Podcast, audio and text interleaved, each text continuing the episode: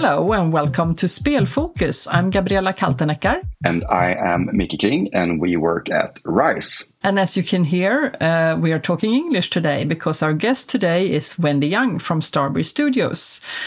I think Wendy speaks very good Swedish and understands, but for the benefit of the talk, it will just have an easier flow if we speak in English. So we're trying to sort of wake up our minds to the English language. It's very early in the morning when we're recording this. Let's hope we do a good job. Mika, are you ready to rumble? Always ready to rumble. And I started to fire off the pistons in your head by speaking uh, German this morning. Very confusing. yeah. so we're linguistically challenged, but uh, uh, let's invite Wendy into the studio. Welcome to the studio, Wendy. So glad to have you here. Thank you. Thank you for inviting me. So, Wendy, you're the head of operations at Starbreeze Studios. Would you mind, just for context, to give uh, to share a brief overview of your journey and how you became the head of operations? Yeah, I mean that's like a huge question. I feel like it's such a weird journey but i'm really glad that you pointed it out as a journey i was thinking this morning you know people talk a lot about careers and i'm not really sure that like this was a plan or any of it was really any kind of divine plan. It just sort of was a journey. And i'm just really i want to say blessed. Uh, I, I just feel it, it's been an enlightening experience. And so now i have this sort of fancy title and i don't quite know what to do with it yet. It's sort of like bigger than me and i don't really fit into it yet so I can't say my journey is done. Will I end up here? Will I do something else? I don't know. But yes, I, I'm the head of operations. I think my mantra, at least at Starbreeze, is to how can I improve the life quality or the work quality, lift others, and and have them on the path to delivering games and, and doing things they love. That sort of balanced approach, because operations and creativity and business is such like it's like that triangle. There's always a compromise somewhere. And if i can be kind of the catalyst for thinking differently or just giving permission or facilitating smart people to to become efficient and deliver games better then i, I feel really blessed in in in being able to do that in this role. But uh, you know that's like now I've been in the business since 2001 and my journey was weird. Like I never planned on ending up in gaming. I, I went to university and studied traditional art. So I have a degree, an honors bachelor degree and um, in the arts and uh, fine arts specifically in art history. And then you know, I went to illustration college, was going to become a freelance artist, and then I ended up here somehow. So it's. but I happen to know that you have a keen interest in the movie industry as well. I've always loved films like ever since my my mom you know i watched wizard of oz with my mom and black and white movies like i think i've seen a huge amount of movies and i i actually took some movie courses in i'd say like you know art movie history courses in university as a you know free course that you could take. And I've always been, uh, you know, interested in animation. I mean, I think I imagined myself becoming an animator. I also like my thesis work was building life-size puppets. I love Jim Henson. I love the things that Laika is doing. I love special effects, you know, Werewolf of London, you know, like I just I'm enamored enamored with storytelling and I I wanted to be a part of all of it. So I, am sure I'm just a big old mess, but I, again, I ended up in video games, a different medium to some degree. But uh, my my journey started with like a huge uh, interest in entertainment, so a huge interest in entertainment. I can see Mickey breaking down here in the video feed. It's like animatronics, fantastic. I wish I was that clever, though. You know, like I'm not an engineer mind. I'm uh, more like the foam puppets, you know, and I got to fulfill my lifelong long dream of visiting Henson Studios and in uh, New York City when I worked with Toca Boca. So I've had like a lot of my dreams come true. but I just never actually physically work with them. And I'm always sort of sabbing, sabotaging myself because, again, I'm in video games and I have this sort of career but I'm I'm making art all the time and I'm always trying to like okay what if I quit gaming and and you know go and find out if I can volunteer as an intern in a stop motion studio? Like I, I'm I'm slightly crazy. Well we have a side plan for that right? Yes absolutely. Absolutely. Uh, we we we connected over special effects a while back because I've worked with a special effects company that my sambo owns uh, called Arclight Special Effects. Um, and we, well, I wanted to invite you over. So I, I, I see music in the future. I see great art in the future as a side project, maybe.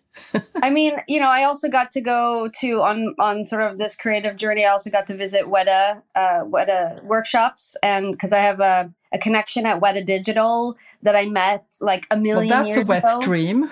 Yeah. Yeah, exactly. I mean, for me, like being there and seeing these artists, like I think that's been the dream, you know, that I always imagine myself making art, like in actually, like physically. And I've always been interested in that. So I think there's always been that dichotomy in me.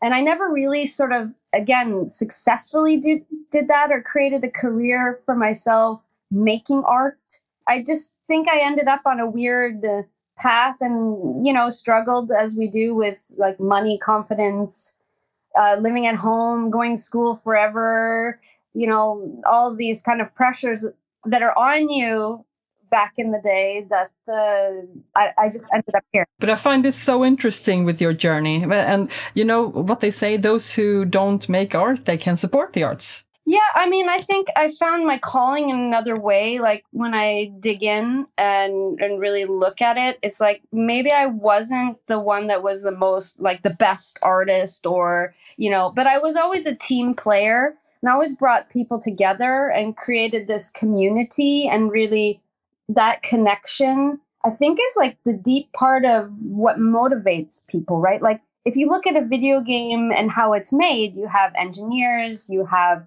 artists, you have writers, like you have this sort of hodgepodge of people that don't speak the same language, but then at the end they need to kind of have something that they unleash into the world. And and creativity is the the red thread, the motivate like that motivates people forward. And and I think, you know, I ended up in production, I guess, for a reason in that you're this sort of funnel, you know, like you want to help people get to that thing and and you ask questions you're curious you coach you facilitate you you direct you you give people permission and and bring people together in conversation. And and i think that's like a powerful part a, a huge key aspect and component to to making the games and and delivering them. And i i've always been a catalyst for that i think. I i, I believe i'm i'm kind of a person that's in the middle I believe that, you know, we need to keep moving forward. And sometimes you have to kick yourself out of your comfort zone to just try something different.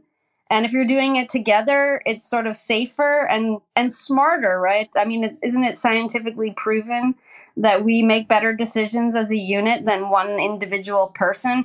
And I think that's really powerful about being in the industry. And I guess I kind of had that talent, like not afraid of change, um, looking forward, uh, but also you know honest with the present and, and the challenges you face, and and that's how I kind of ended up as a producer. Somebody saw something special in me, and and gave me a chance, and and I, I really want to keep doing that in my career, no matter what it is, and and and here it is in the creative industry. I think now more than ever, it's really needed that we need to lift each other and figure it out. So. I'm just I'm just curious. I mean, uh, it's kind of obvious to everyone who's listening to this podcast today that we're speaking English, and it's uh, quite early for me and Gabby. We have to get our Babel fishes running, you know, just to to be able to speak English. But I mean, you're from Canada, right? So how did you end up in Sweden? Well, I was born in a place called Dundas, Ontario. Well, Hamilton, Ontario, steel town. You know, in the '70s. Uh, I'm an oldie and a goldie, and I mean, I guess I was always artistic, went to university, you know, that was sort of the parental dream. Uh, and I really enjoyed that and was inspired. And then I went to college, studied fine arts. and then, you know, I started looking for work as a freelance artist. And then I happened to meet another female who is a graphic designer. And uh, she got me kind of an interview in DICE Canada at the time.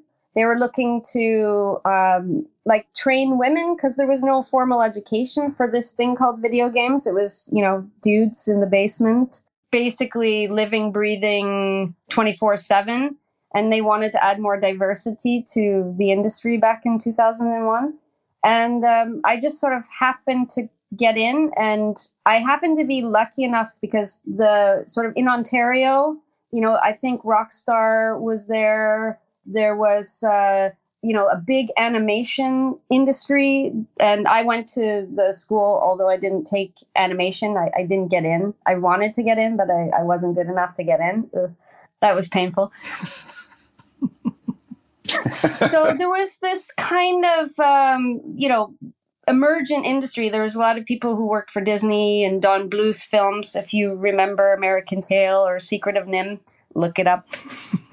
Old old animation. Gold movie tips. Yeah, and you know Rankin and Bass. Like there's like a whole kind of um, emergent scene within Toronto, of course, as a you know cultural hotbed. Although I d- never lived in Toronto, so I, I was kind of uh, really lucky in that sense that, uh, especially at Dice Canada, they had hired a, an animator, a female uh, head of animation from you know Don Bluth films or Disney. I mean, I can barely remember. And we were they were working on uh, Barbie titles for Game Boy Advance, and uh, yeah, and that's how I kind of got in at Dice. And then of course, weird life. I, I really hated what I was doing. I hate, you know, because I, I, I loved Game Boy and doing the PlayStation 2D stuff. So I always thought if I had continued career in 2D, I would have stayed an artist forever. There just wasn't options back then. And of course, Battlefield came out, right? And it was a huge hit. So then they started training me in 3D art but I think for a lot of the guys, like they took courses online in ZBrush and they were like d- dug in 24 7, learning everything, consuming everything. And I just was doing other stuff when I went home, you know, like I, I felt like I had more dimensions to me. So I was, I, I really have to say, I'm like super grateful for Dice. And some of the guys there were like so pedagogic. They taught me a lot and i started doing weapon 3d modeling weapons as a canadian which is really weird and a female. Never had shot a gun in my life. We had an american guy that um, was amazing uh, who i've stayed in contact with over the years uh, bob and he you know told us how guns worked you know what i mean because he was american it was you know it was great like for me, the connections and the guys, they were super supportive, but I never excelled. And it wasn't like I was doing my greatest artwork, and I never really felt it was me nor connected to me. And I was sort of, but I didn't have a lot of choice. You know, I, I was 28, I, I was single. I, I didn't want to move back home with my parents and quit and like try to figure things out. Wasn't really confident in my artistic ability wasn't really finding my place. And I mean, gaming, you know, wasn't even on the plan. So, so for me, like, uh, I was kind of ready to quit, to be honest. I really hated it. I was not very good at it, and I never felt super supported by my bosses. Like, they would say, work 20, you need to work 24 7. You're not committed enough. You're not practicing enough, and you don't get a raise. And, and so after a while, you kind of like, you're you don't really realize at that say young age of 28 that your identity and self-worth are very much connected to you know this art which was my vocation in a way making art and being creative. But i i, I kind of had a, a sort of a bit of a breakup with myself in that sense along the way which i'm regaining now at 49 which i think is a shame you know? And um and so when I I got invited to Sweden, and that's kind of how it happened. I got invited to because Canadians live to work, we only get two weeks vacation uh, in our lifetimes apparently. Uh, it's an interesting approach to work work ethics. Yeah. like you have to work 24 7 it's like do you want us to die at work? I don't know. It's like no no concept of how work life balance works. I, I know because I used to work for an American company with the, very much the same approach, but but uh, for me it's always been astounding. And I, I actually have when I stopped working for the big American company, uh, that shall not be named, uh, I loved it and I hated it at the same time. It was a very good school to have gone to. But uh, on my next interview after leaving that, I, I was uh, headhunted for a company in, in the, um, for another company. And at that interview, I was sitting there saying, yeah, you know, I, I start in the morning sort I, I'm there at 4 a.m. and I stay until 10 p.m. in the evening. And, and my future boss, I didn't know them, but he hired me and he was my future boss. He, he just looked at me with a little smile and said, "Okay, so what you're telling me is that you can't get the work done in the eight hours that I uh, pay you for." And I was like, "Hmm." Good point. and that actually started to change my my mindsets. So I know what you're talking about. But but you're into something very interesting here. You're a leader in the gaming industry. So how do you view the current state of gender equality and uh, diversity in general in the sector? Is it different now from when you started out, and how is it different? Yeah, I mean, I find it completely different. It's so much healthier. I mean, I think I think the actual like when you're gaming as a female or even as a, you know, transgender or or, you know, or minority even, like I just think that gaming like the the weird cloud space that is where we game online still has a long way to go in terms of uh, equanimity and and and and creating that like community that is that is enabling and whole, you know. But the actual business, surprisingly, and, and the actual making games is 10 million times better.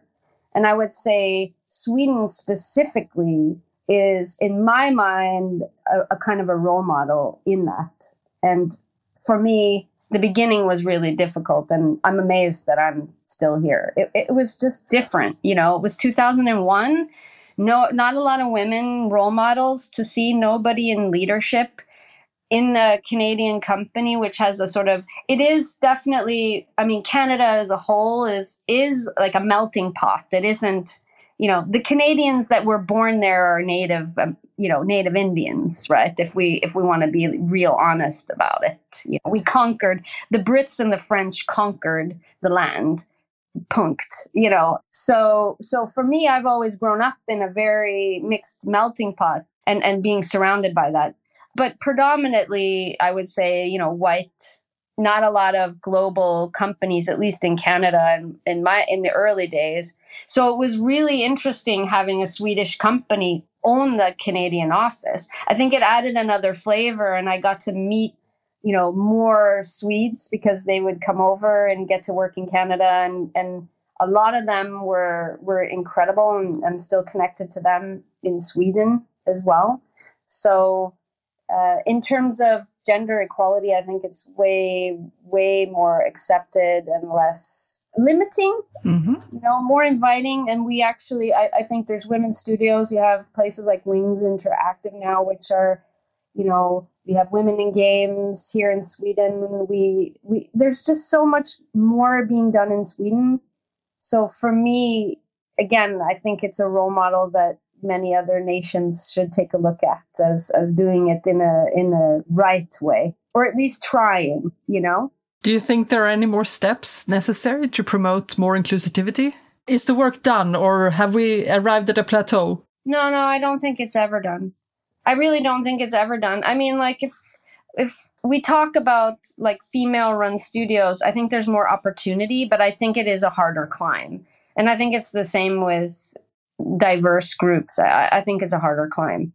And I and I think that's just because the way like one I've thought a lot about this a lot. You know, I came from Paradox and you know, a lot of the game directors, you know, there's a secret sauce to to making these game projects, right? Then they need to be led by someone, and you have some incredible people creatively leading the way, right? And that's sort of the the beacon often in companies, which makes sense. I mean, it can create the rock star mentality, but I, I, I sort of feel like at least in my experience, I think women want that diverse engagement. And so not having that sort of one person to rule them all at the top, I think if we find more ways to sort of uh, teach the men at the top to look around them and be inviting and lift others, and that there's an incentive like to your KPI. I think then we can teach people how to see things differently. And and I sort of look at that as my kind of role, sort of in the in Starbreeze. Like how do we, you know, invite more women, lift them, enable them to do their best and and give them permission to to try and and I think uh, I think we need more women role models to do that. But it's a lot about me teaching and coaching, or coaching and teaching other leaders, and adding KPIs and and trying to push uh, diversity, equity, and inclusion sort of elements. So, for example, I think Starbreeze is getting labeled as LGB, you know, plus certified I think that's really incredible. I think more more information and more uh, opportunity for that those possibilities is really important to lift the lift people and invite them into the space where they do get to make decisions where they do get to work with others not just you know again i don't think you have to be not the loneliest person is the number one making all the decisions. I think you can create uh, you know a diverse space and still you know not necessarily always have to have consensus in sweden right? so but I, I, think we have a long way to go. That, that was one of the questions we were about to ask if you had like at starbreeze uh, like specific initiatives or programs to to ensure diversity and inclusion or do you more work like with the whole culture of the company? Yeah i mean we do both right? We're working because starbreeze is sort of rebuilding itself. It has this unique opportunity to completely reinvent itself from the past mistakes right? Like i don't want it doesn't have to be the elephant in the room but the way the company was before uh, it was run by the same people that ran the company when i started my career at grin. And it was a very top down regime oriented space that was very toxic and unhealthy. And and look I, I know some of the people working there so it isn't about like pointing fingers or saying one thing is wrong. It's just that kind of american hierarchical sort of structure where the producers sort of are the enforcers. It becomes this very sort of regimented and and i don't know imprisoning space and, and type of company to work in. Uh, I mean, I've experienced that in different places over the career. I think I think the cr- great thing about Starbreeze is the leadership is trying to be the beacon to reset the culture. So there's culture work. There's the LGB uh, certification that's available now. We are getting involved in the game school scene and and and also supporting uh, different initiatives. Uh, like I've been out to the Great Journey, getting curious, like how do we further the education? How do we further the industry? Um, we're going to Women in Games and doing lunches, and and so I think uh, we're really trying to do that sort of bringing people in, but also internally like things I'm thinking a lot about or how we make games and how can we structure differently, how can we create different team atmospheres and and work with team building to create more inclusivity, uh, but still drive to get games done, right? Because we essentially at the end of the day need to make games to make money to you know and make things people want to buy and play, right? So there's still more work to be done for sure, but those are some of the things that that Starbreeze is is specifically doing. And I'm more curious to get out there because I see that there's more opportunity for internally for different disciplines to learn more about what's going on outside because i do think education is really an important factor and i think that's the strength of sweden is its education system which allows this opportunity because we're curious to learn and and you know be better and achieving and you know there's this strive and, and momentum here in sweden for that.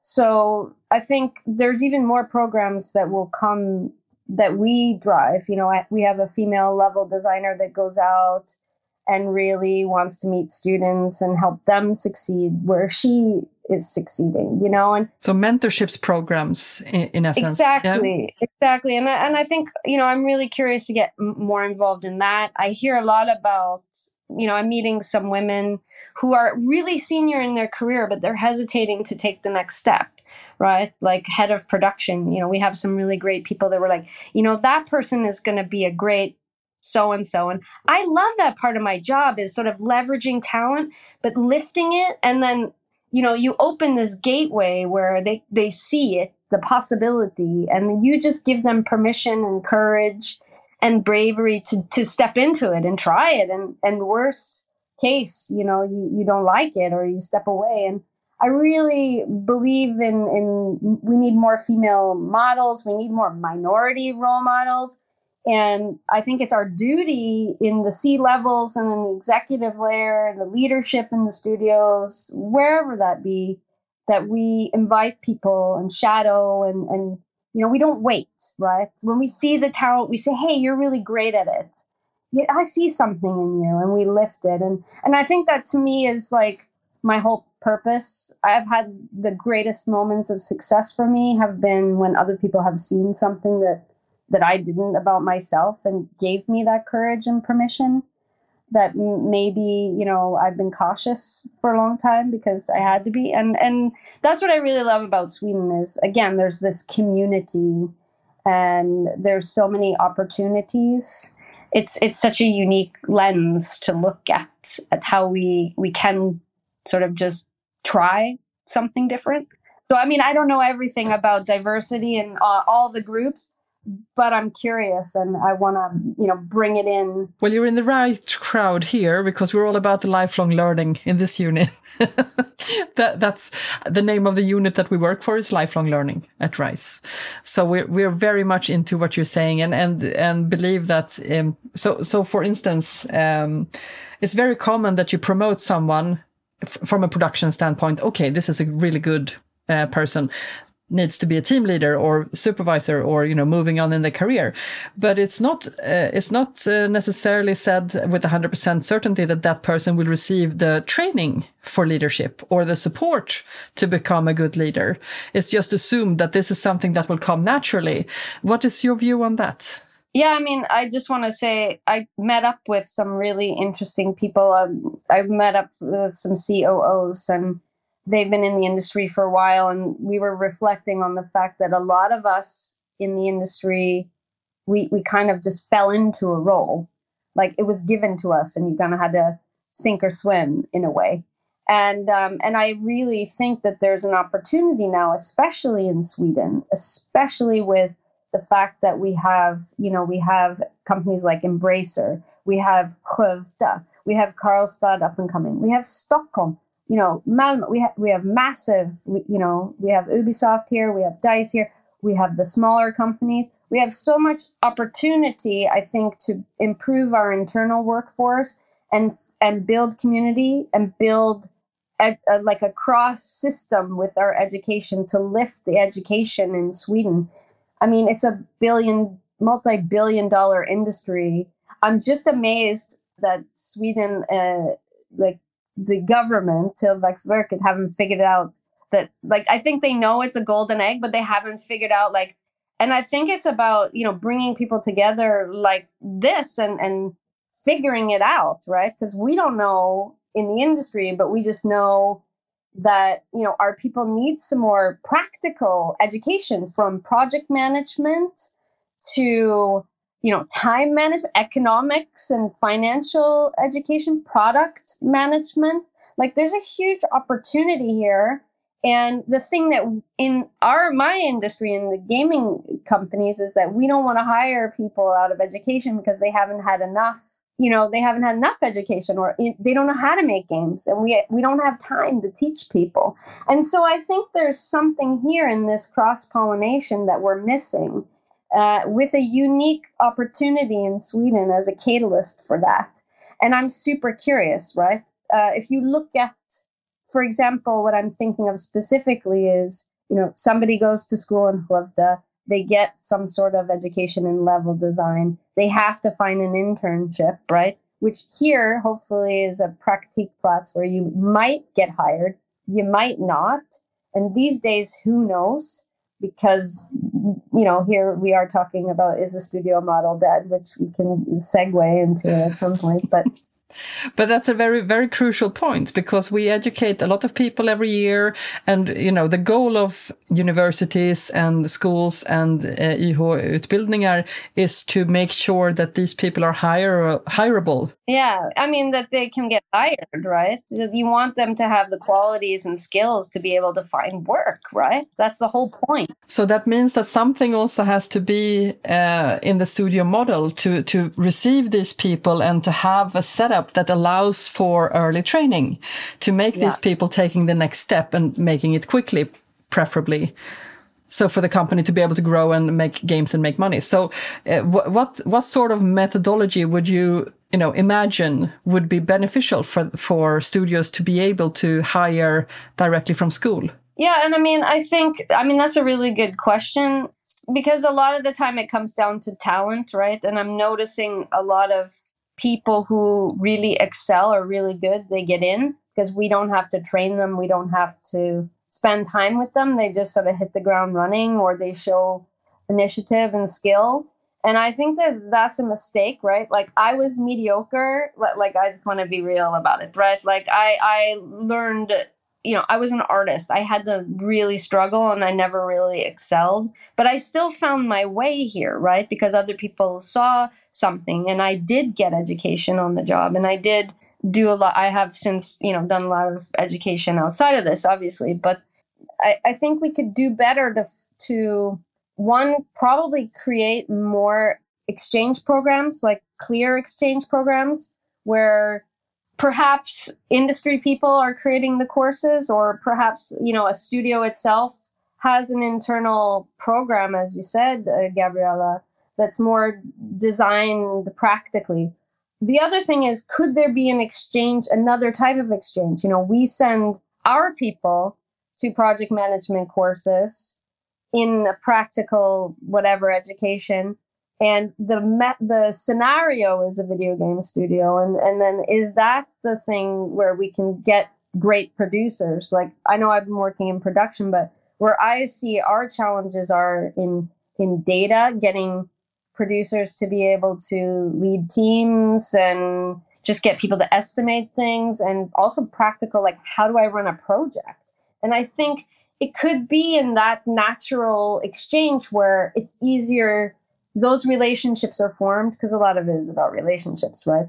And and then you know we're finding great people because we have this flow this exchange sort of program.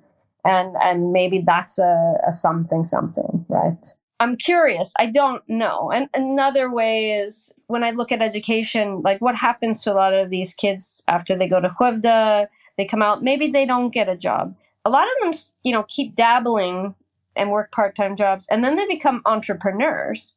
And then how do they get more when you don't have money, but you need education in, in okay, I'm an entrepreneur. I have this game idea, Minecraft whatever it is, right? I mean, there's amazing talent out there. But then all of a sudden you have two jobs, right? Being an entrepreneur is a full time job. Being a game designer is a full time job. And, man, you know, um, and you're only trained for one of those two. There, I don't see many people training to be entrepreneurs or uh, self-employed. And you forget how to how to build your own company from that you know hiring people what are, what does the law say? I'm, you know most people don't have them enough money to uh, connect to a union um, that comes very much later. So you have to go through a lot of things and figure a lot of things out on your own without there are entrepreneurial programs of course in the incubators but if you have a normal education degree with you know if you're not uh, in an area where there is an incubator and you still want to build your own company. You don't have the benefit of sen- seniority mentorship. Yeah, exactly. Or you know, I think I think the interesting part there is like, can we create sort of? I mean, I know there's incubators, but there's also only so many hours in the day, right?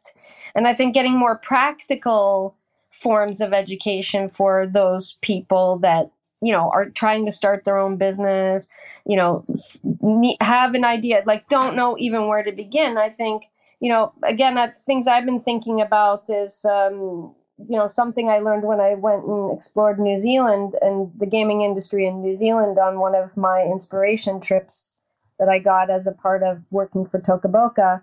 And I, I got curious and I, I found this sort of community portal that they had where you could, you know, put JIRA tickets, you sign in. There's subsidy from the government for young entrepreneurs to to be able to like get a subscription fee to this community, and then you had access. You could just JIRA ticket things like, okay, I need help with like uh, payroll. H- how do I even deal with that? You put your ticket in and they had a lot of uh, professionals that uh, because how their system worked great education. Everybody leaves New Zealand. People come back burnt out.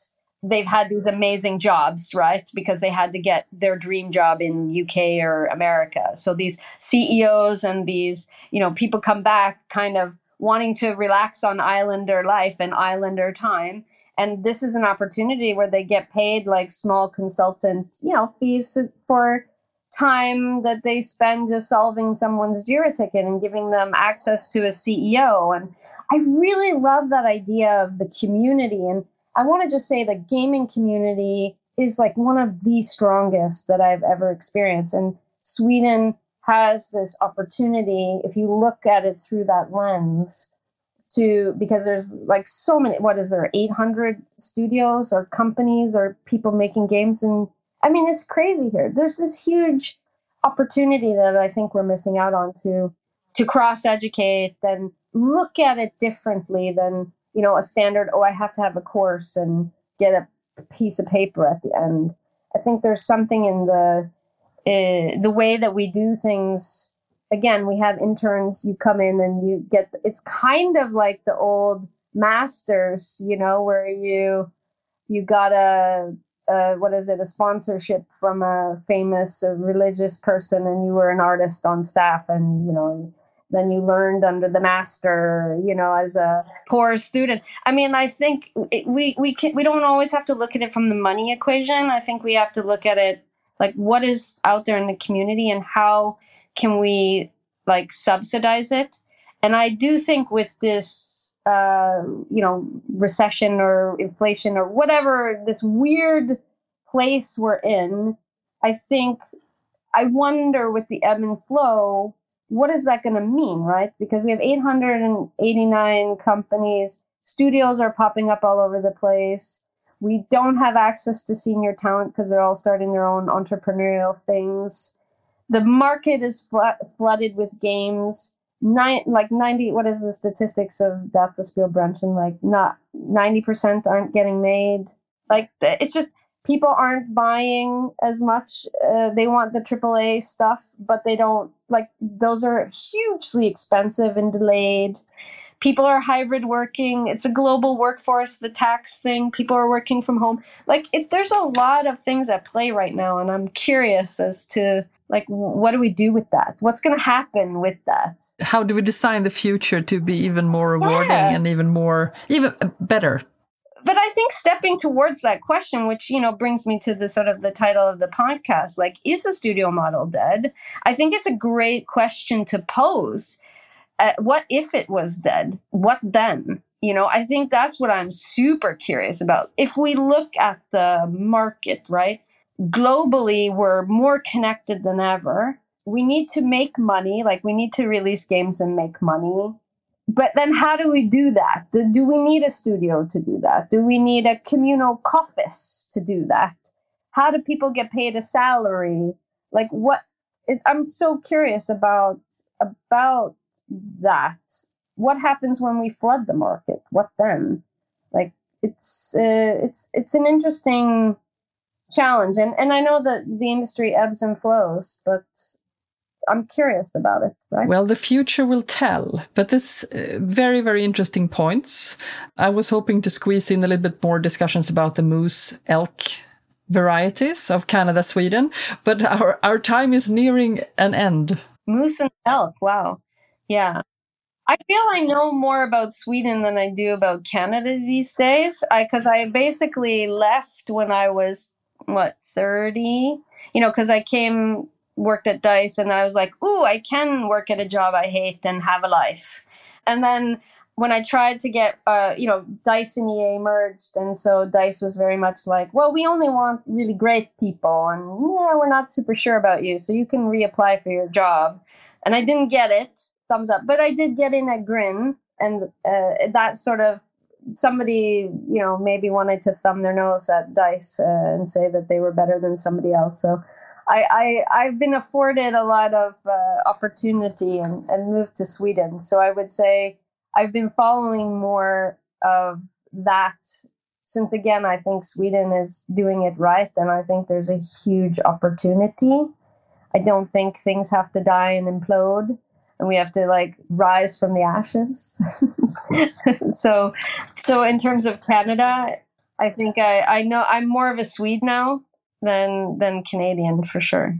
But Wendy, uh, I hope we will get uh, an opportunity to speak to you again, um, maybe following up in a year or so to see if the studio model has changed somewhat and Starbreeze's journey also, how it connects to all these different initiatives. Yes, I mean, I am curious. I think this the large ones will survive, but I'm curious about the small ones. How do we keep them alive? Because there's some really interesting things happening. Well, there are so many interesting indie games out there that I would love to see come to the bigger market.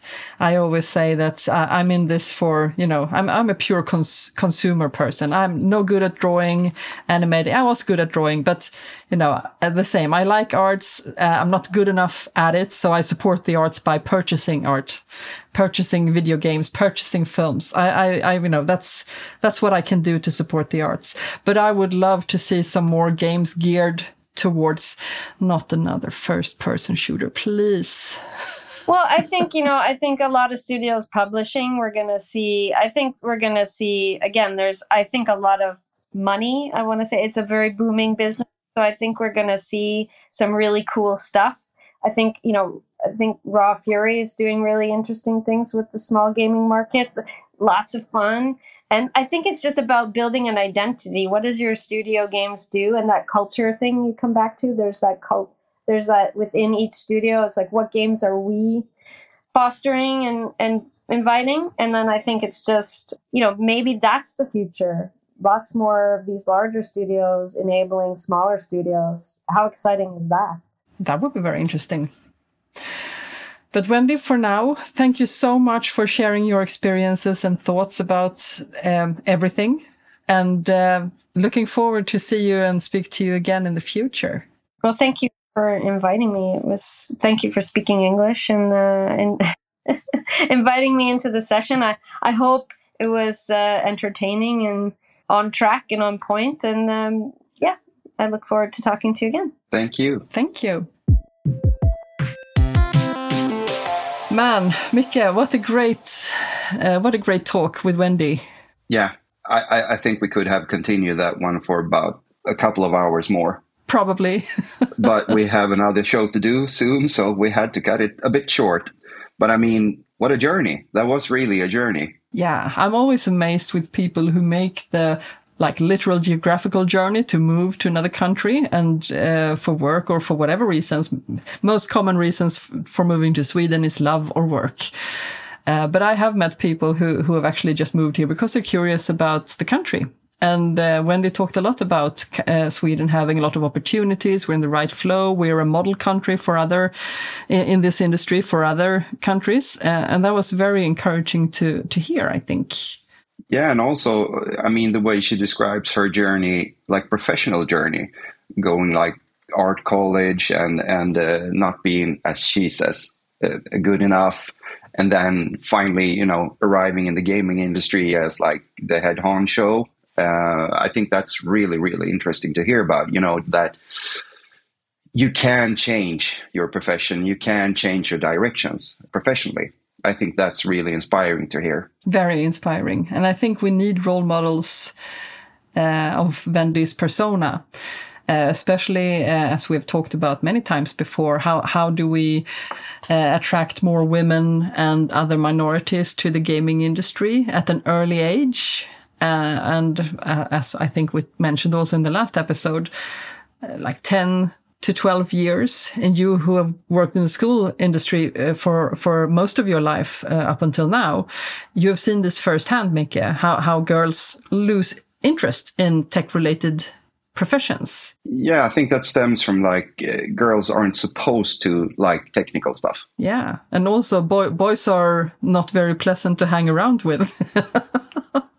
Yeah no they're they're just not I thought it was so funny that Wendy mentioned, yeah, you know, back in those days, the boys were sitting in the dun, in like in, in the cellars 24 seven, just punching code. I think also drinking a lot of Jolt cola or syrup to, to keep your eyes open. but, but, but, you know, who, who would want to engage in that unless you're exactly the same. Yeah, but I think that stereotype still lives on. I mean, for, for young kids, if they think about game developing and, and you know, they see these coders with, with uh, sitting in their basement and, and just hacking away. And that's nothing for me. But if you can show that, you know, first of all, uh, we mentioned it, or she mentioned it, you know, yeah, when she started like 20, 2021 2001 uh, there weren't many girls in the industry. But now what's fascinating now is that, that there are at least a lot more.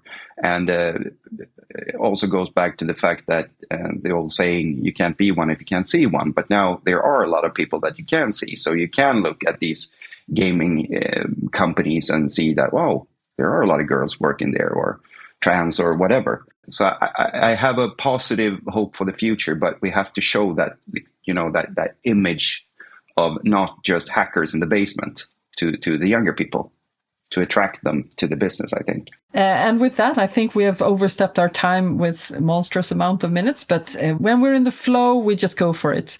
So, dear listener, thank you so much for tuning in this week, and I hope you will come back to us next week. Bye, Micke. Bye, bye, Gabby.